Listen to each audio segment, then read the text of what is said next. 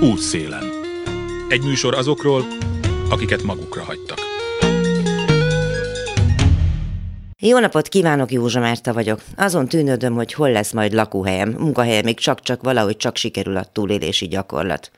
Hogy hogyan vesznek oda olyan fogalmak, mint az otthon melege, a téli vakáció, ne adj Isten a síszület. Bár azért azt tudjuk, hogy éppen ez a forma sohasem volt a tömegek mulatsága. Sem Borsodban, sem az Ormánságban, de még itt a nagykörúton kívül és belül sem.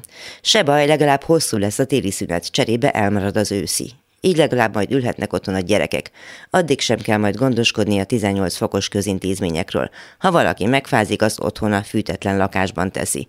Majd ír neki az orvos távreceptet, persze, ha talál valaki orvost a távban.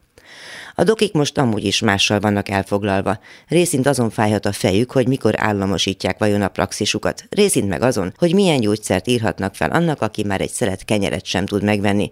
Nem, hogy egészséges étkezés, meg ilyen izék. Na meg egyeseknek azzal a morális kérdéssel kell megküzdeniük, hogy tényleg kínozni akarják-e az abortusz bizottságon műtétre kényszerülő anyákat a szívhangvizsgálattal.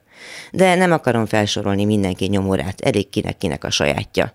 Csak úgy látom magam előtt, hogy a kormány végre megtalálta a megoldást a télre. Ne legyen suli. Így legalább az állam is spórolni tud, és ezt érdek is nevezik.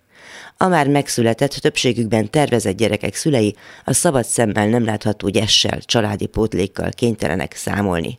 A meg nem születők anyára másfajta megaláztatás vár. Ami fontos, hogy tervezni ne tudjon senki, és akkor se érezze magát egy pillanatnyi sem biztonságban, ha ezt a nehéz időkben amúgy megtehetné. Mondjuk, hogy előre eltervezze, hogy mikor vegye ki a szabadságát, hogy a gyerekkel elmenjen egyet kirándulni az őszi szünetben. A jobbágy ne rendelkezzék se a pénzével, se a szabadságával, de láthatóan még a testével sem. Hát, ahogy sejtjük egy ideje, mi, akik jöttünk ide vagy maradtunk, bizony most itt lakunk, és így jártunk, itt fogunk élni.